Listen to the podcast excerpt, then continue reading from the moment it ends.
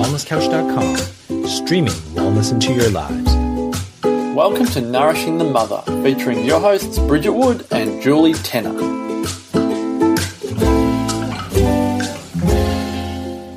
Hello and welcome to Nourishing the Mother. I'm Bridget Wood, and this week I am doing the podcast on my own as we've got a special interview with Sherrie Laryse. Sherrie is a writer, mentor, and business owner who lives her life with growing self awareness. She's a goal maker and achiever and lives by the guiding mantra that growth occurs at the border of support and challenge. For Sherrie, life is a fluid gift that reshapes itself as we change our perceptions. This is what gives rise to Sherrie's grounded wisdom and ultimate inspiration to others. Sherrie lives in Sydney, Australia, and inherited an eight year old cat that became her pseudo child Sherrie writes at cherie.com.au. Welcome, Sherrie. Thank you. Thank you so much. And we have you here on the podcast for the very big, loaded, heart wrenching, heart expanding topic of the all consuming road to motherhood, which mm -hmm. is really one for our audience who are, you know, have, have had a have had a challenging road to motherhood, are still on that road, or who are kind of not even there yet, but are wondering what's going to unfold for them.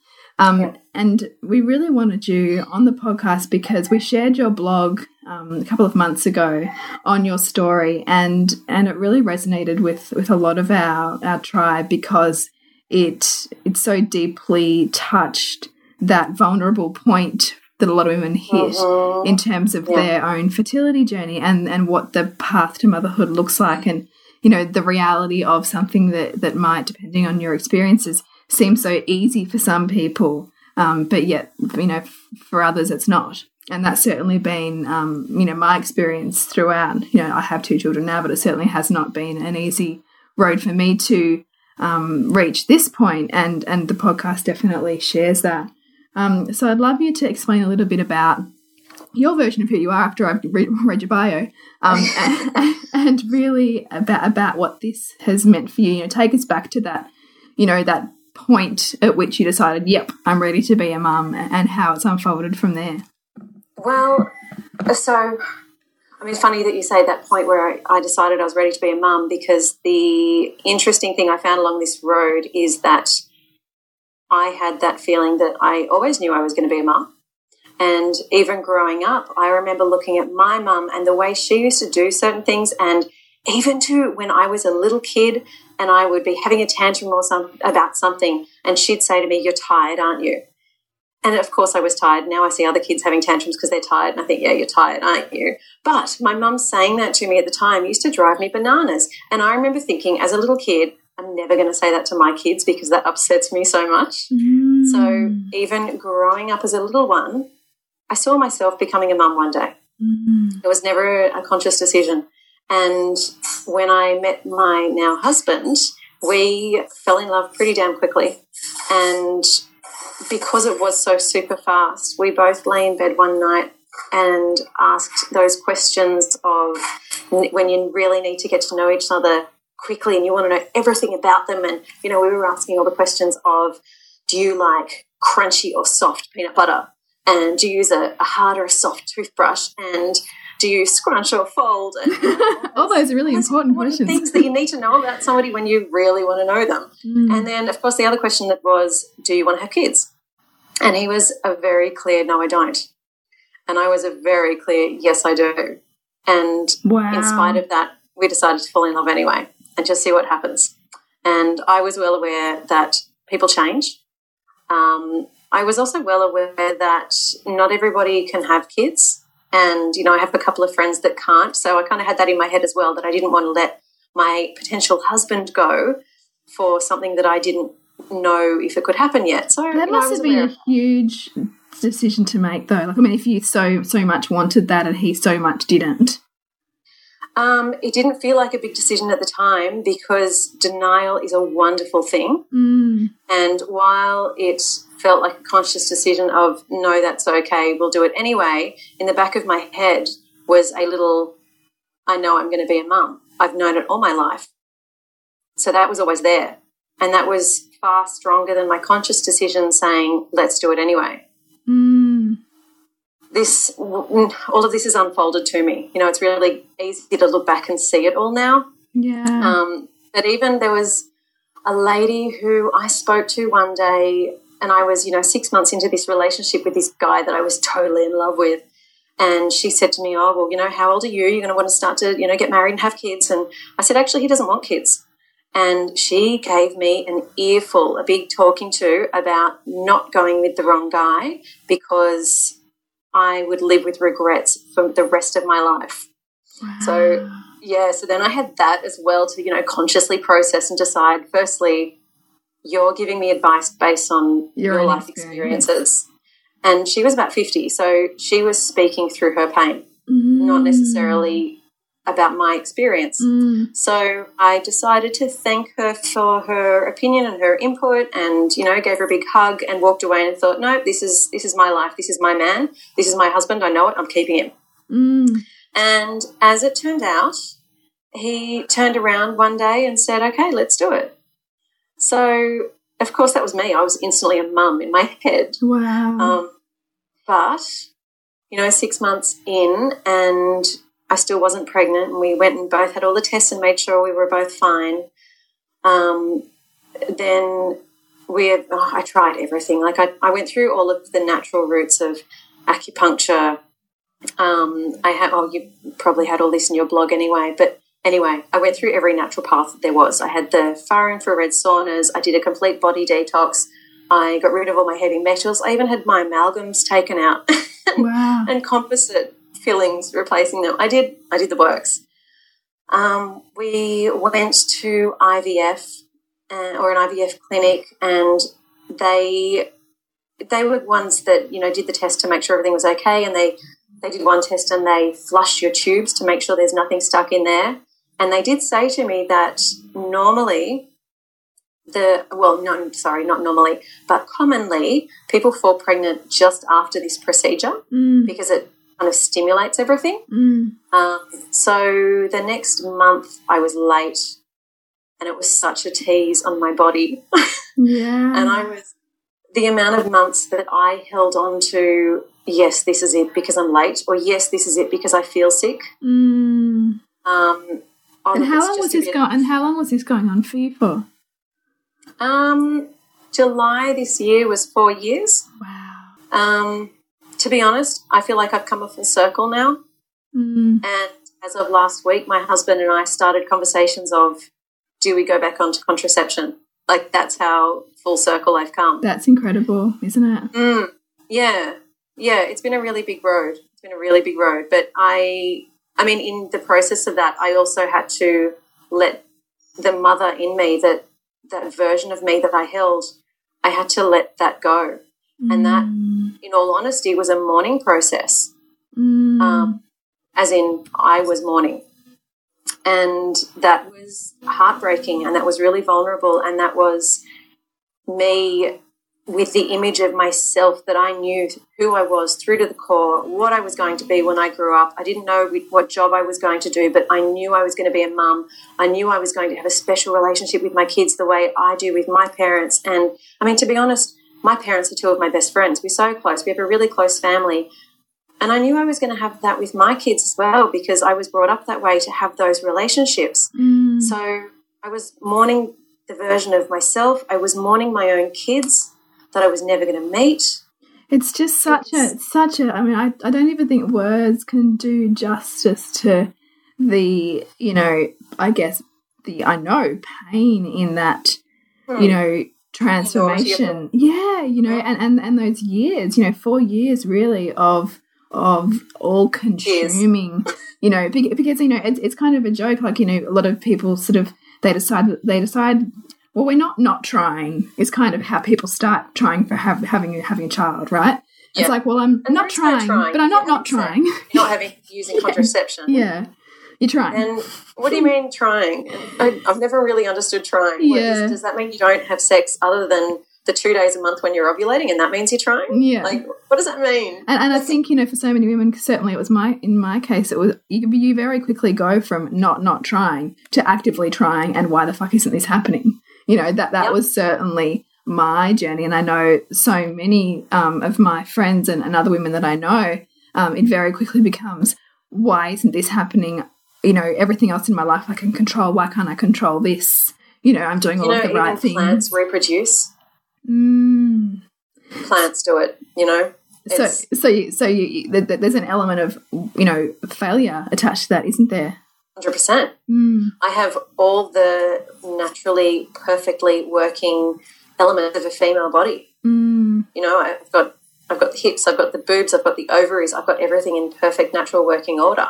Mm. Um, you know, I had a husband with, in a beautifully loving relationship. I had a job that, well, you know, a business that we could put staff on. And then, I mean, even now, I work one day a week. I set up my whole life mm. Ability so I could become a mother. Mm. Now, the beauty of that means I only work one week.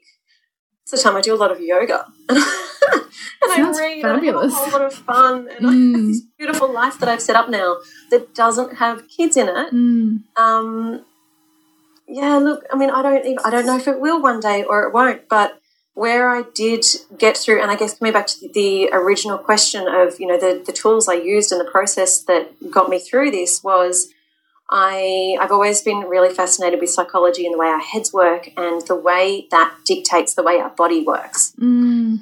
And so I started working on my self head, and I wanted to know throughout this process what kind of impact my thoughts were having Mm. and if they were making or breaking this you know decision of me falling pregnant um, part of it actually part of my trying was hypnotherapy as well to make sure i had myself on side but anyway that was uh, yeah i did a lot But you must have been, I mean, uh, you know, through this, the layers of yourself that you must have peeled back would have been enormous, you know, in terms of getting to know yourself. Mm. Yeah, it's. I'm not sure if I feel like I was peeling myself back or, Or adding piling stuff on. on. Yeah.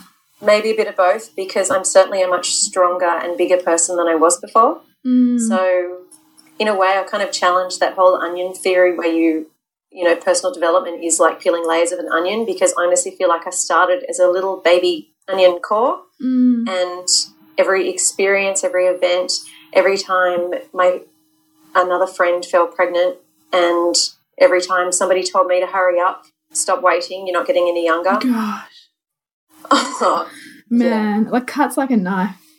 oh, yeah.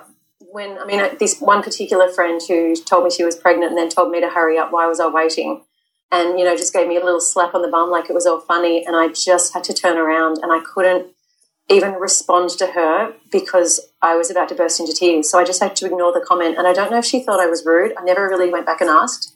But Mm. it was either ignore her or just burst into tears and become a blubbery mess. And I was in public and I really needed to keep myself together. But Mm. yeah, those situations, they happen. And um, I mean, one time I went to pick up my brother's kids from school and my brother got there at the same time to pick them up. And as soon as I got there, I didn't realize how big an impact that was making on me that I was going to pick up kids from school and I rocked up the same age as all the other parents and nobody could tell the difference. Nobody knew I wasn't a real mother. Yeah, wow. And it was, I didn't realize how deep that feeling went of walking through a school to pick up kids that, quite frankly, look like me. Mm. And then when I saw my brother there, I melted, I broke, I shattered, and I realized that, okay, he's the real parent and I'm not. And I just felt like such a fraud. Mm. And I went back to my car and I bawled. Oh. So, you know, these little things that. Those you triggers are everywhere, aren't they? Yeah, they really are. Mm. They're Mm. everywhere. And things that you think aren't a big deal just cut straight through to what really matters to you at the time, which is you're not a mother. Mm. So, anyway, the way I worked on myself, um, I did a lot of things. One thing that hit home to me in a big way was I looked, I broke down what it was in motherhood that I thought I wanted, that I felt was missing in my life. Um, essentially, what motherhood meant to me, I broke down all the characteristics. So that was things like picking up kids from school, um, nurturing, feeding, putting to bed, getting up in the middle of the night for them, cleaning up when they're sick, cleaning up after them in the kitchen, washing clothes. You know, I just I broke down everything that I thought motherhood was. Um, you know, growing up, having really intimate conversations with somebody, you know, somebody close in your family, and all of that. And then I looked in my life where all of those traits were being represented, and where I was picking up kids from school, which in my case is often going down to my business and picking up my stuff and taking them home because it's raining and they're on their bicycle or things like that. So, um, and you know, I when I did that, my secondhand cat that I inherited uh, came home and it had it was sick and it had diarrhea, and I had to clean up my cat. So I'm there like with gloves on, with Yeah. a little cloth and tea tree oil in a hot warm bath, cleaning my cat, dry reaching with poo smells. I'm thinking, I'm a I'm doing this Mm. parenting thing. And this is really, and this is that principle we talk a lot about this in our Loathing to Loving program, which is that nothing is missing, it's just changing form. And the reason why you're not seeing it is because you're looking for it in a different form. You know, you And can't always choose the all there. form. Wow. Mm. It was all there. It was not how it looked in the brochure, Mm. but when I looked around, it was all represented. Um, now, the one thing, the, the nurturing really stuck out to me. And the nurturing and the inspiring, I really, I always imagined a little someone growing up and I could feed them all my thoughts and all the education that I'd learnt about psychology and human behavior, just the way we work in general. And I really wanted to pass that on to somebody so they could grow up um, without being as fucked up as we are. Mm. Um, imagine knowing all this stuff when you're five Yeah. you know, and just and going through life seeing clearly. Mm. And I always imagined raising kids like that and just inspiring them to to live a life with open eyes Mm. and an open heart. So those things really stuck out to me. And while throughout all of my jobs, and I've had a lot of management positions, I had a lot of people calling me inspirational. It felt really warm and fuzzy, and I could tick the box saying yes, I've inspired people along the way. That really stood out for me. That of something I wanted more. Mm. Um, so I went and I found a, a program where you can volunteer, and there's a program. It's in Sydney and Melbourne. Mhm. It's called Sister to Sister Mm. and it is mentoring teenage girls who have been up with trauma. So these are girls who desperately need a strong female role model. So this, so this is really the you know the two things that you still felt you hadn't quite covered: the nurturing and inspiring. This is Yeah. the avenue in which you can be that. Yeah. Wow.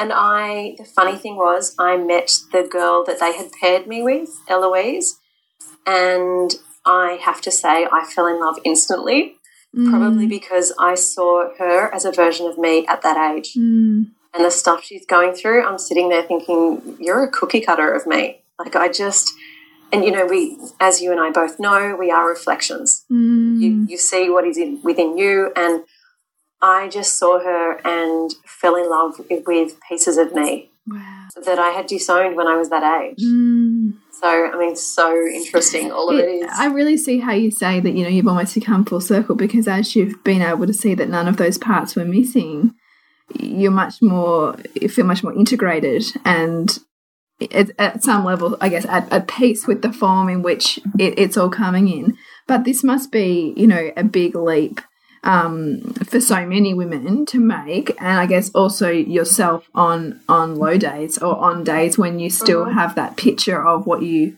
always dreamed of, I suppose. Yep, yep.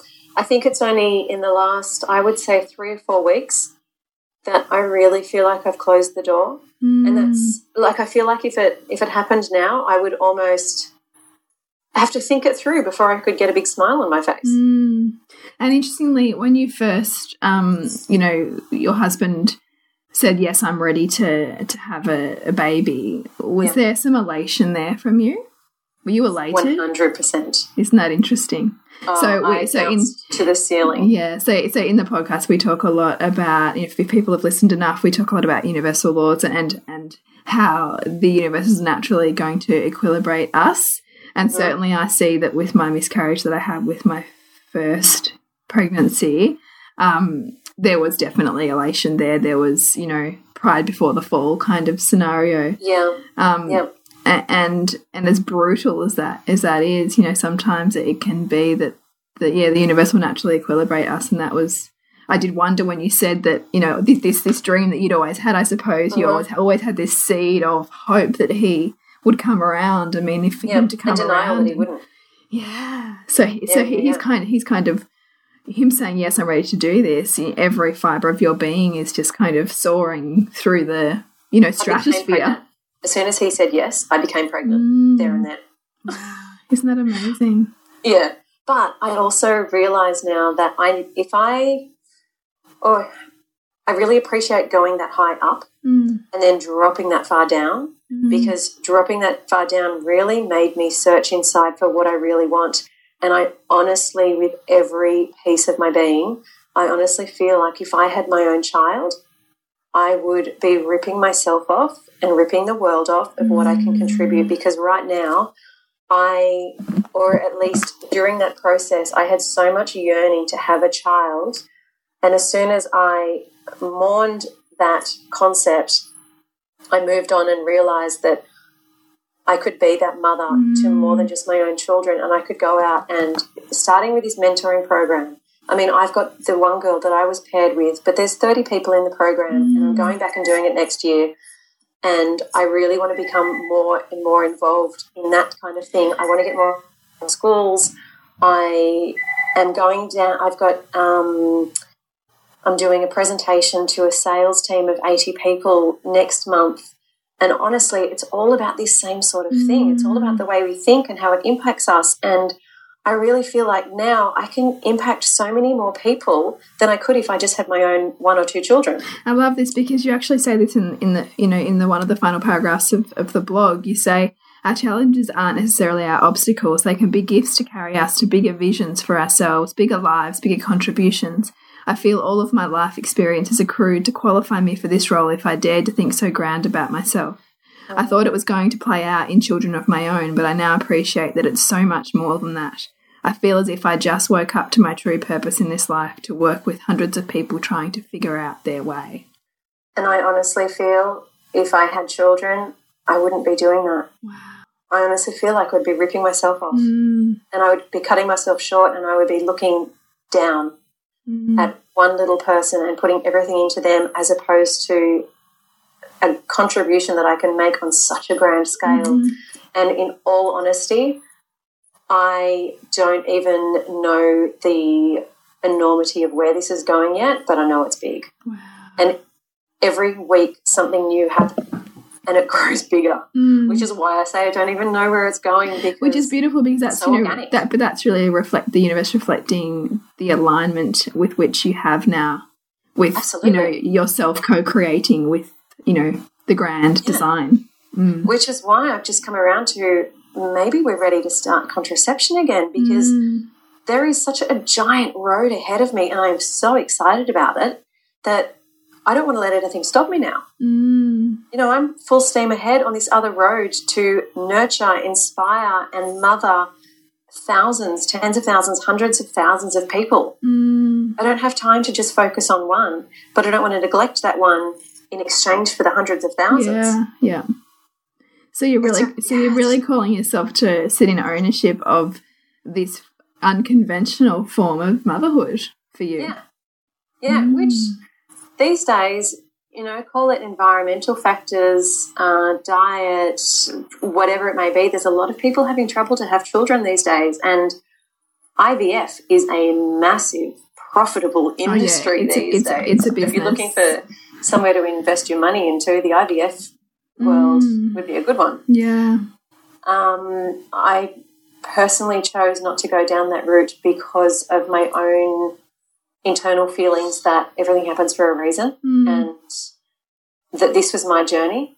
And I, you know, and other people, not saying that um, you're bypassing your journey if you have IVF because that's somebody else's journey and that's Mm. the process they need to take themselves Mm. on. But for me, I knew it wasn't my journey. And I knew I needed to stay true to that. I just love the wisdom with which you speak of this because I, I know, like, you know, having spoken to you at various times, that you know, the blubbering mess that you would have found yourself in at some of those really dark moments could not have Mm-hmm. foreseen the the person that's come out the other end.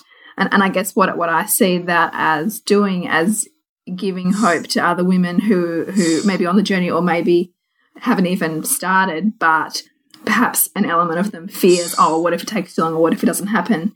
It's just trusting that that whatever needs to be will be and that, that it might not be exactly what you want. But if you're willing to, you know, follow the breadcrumbs and go deeply into yourself, that there is um, beauty there. Because that's Absolutely. obviously, you know, really what it's been for you. And a, a great book on this actually is um, it's called the, it's called The Way of the Fertile Soul, and it's by a woman called Randine Lewis, who's an integrative doctor and a Chinese medicine practitioner. And she talks a lot about that. You know, women who um, hell bent on wanting, on becoming a mother in the traditional sense, um, but in fact find that you know whether the child, whether the child comes or not, that fertility journey for them was their breaking open of to their essence, really. You know, and, Yeah. and, and the child was or wasn't a byproduct of that, but ultimately it took them deeply within themselves to their own pain in order to flourish out the other end. So somebody said something interesting to me once, and uh, it was when I was with my boyfriend years ago, and I was thinking about breaking up with him, but I really wanted a baby, and I Right. into him. yeah, yeah. I remember saying to somebody, "But you know what? He would be a really good." Mm. And she said to me, "Be careful, Sherrie, because if you want to become a mother so badly, somebody might become a child to you." And it really hit home. And I walked away from that and remembered that my grandfather had a uh, stroke and became a child. My grandmother had dementia and became a child. And I thought it's a really good point. Mm. If you are so desperate to be a mother, it could come in a different form. It's not necessarily the way you see in the shiny, glossy brochure. Yeah, it's so interesting, isn't it? It's kind of like Tony Robbins, you know, he wanted to be big, you know, and yeah, he is that, like in terms of profile, but he's also has a disease that makes him physically big, you know, so so it's yeah, yeah, he's got like some kind of um condition that and that's why he's actually larger than life. Like it's it's, it's actually a hormonal thing. Right. So he, you know, he, he didn't have, add, add quite enough detail to his grand Yeah. vision, you know, that said Oh that, yeah, you know, it's all in the detail. Yeah. Oh, well, thank you. This is just big, you know, big stuff that you've shared here. And I, I love how much you've been vulnerable with us, first in sharing your blog, but also in, I guess, delving a little bit deeper into what that's looking like for you now. Um, I'd love to. thing there because Yeah. I, the fact that it is such a big thing for females in general, and if there's anybody like me out there who grew up as a female and thought it was just their natural born right to become a mother one day, I just want to add that having gone down this journey and done the 360 of every emotion, thought, tears, happy, everything that you can go through, get in touch. Um, I mean, I do do consultations with people, and yes, they are paid consultations. But if somebody just wants to have a chat, and if they just want to email or call or something, just email or call. You, you, you know, you don't get charged for that. But I know how lonely this road can be Mm, I love that you've shared and that. it's yeah you don't have to go through it and i i thought i did um, but that was because everybody around me either was a mother or was pregnant or you know for whatever reason was not in my position I, anybody else in my situation Mm, um, but if there's anybody that is listening that is in my situation don't feel like you need to go through it alone because it's it's scary mm. so yeah get in touch So Website, yes, your website, 24/7. yes, it's www.cherie.com.au, which we'll have in the show notes as well. Um, I wanted to ask you our rapid fire questions, um, which is what is the book that has been most influential for you? So what? So so this might be a book that you um, gift the most to other people, or you know, if it might be the book that you, if you could give to every woman in the world, what would it be? the psychology of influence Mm, Uh, that is by Robert Cialdini. mhm. And I read that years and years and years ago, but it was the first book I read that really hit home for me that what we think subconsciously makes decisions on our behalf without our, our conscious knowing. Mm, So it really, um, it opened it up for me. It opened up a whole new bag of questions and a new area to study. But that's really what what started me off. And it goes through real life examples of how that makes a difference and how our subconscious really does drive us. I love um, that. Which is why, and I know you read my my recent blog, The Melon Programmer. Mm. Um, it's so important to understand that our subconscious drives us and to actually understand what's in there. So, but anyway, the the psychology of influence was the first book I read that opened my eyes to that. So that's definitely on the reading list, recommended reading Mm, list. thank you. And can you recall an epic fail in your life and walk us through what the aftermath or the learnings have been for you? I didn't fall pregnant. Mm. Your epic That's- fail. That's yeah, that was that's been my epic fail. Mm. Um, Mm. Yeah, and that's yeah, that's just there's no point saying all of that again. Yeah, but that, that's definitely been my biggest failure. Everything else, I, you know, things that felt like a failure at the time were really not that epic, even though they felt at the time. But, you know, one Mm. month, one year, two years, 10 years later, I've realized that that was perfect because if that did happen, I would have gone down that road and that would have been bad. it's an, Um, it's but, an know, incredible in joining of the dots, isn't it, when you start to do that? Oh yeah, yeah, and you just get utter appreciation for everything, all of the steps in your life that made you who you are, Mm. as opposed to thinking that was so bad and I wish that didn't happen that way. You realize that happened that way for a reason, and I'm really thankful. Mm. Mm. It's wisdom, isn't it? It's wisdom right there. If you could have a billboard on any major highway in the world, what would it say?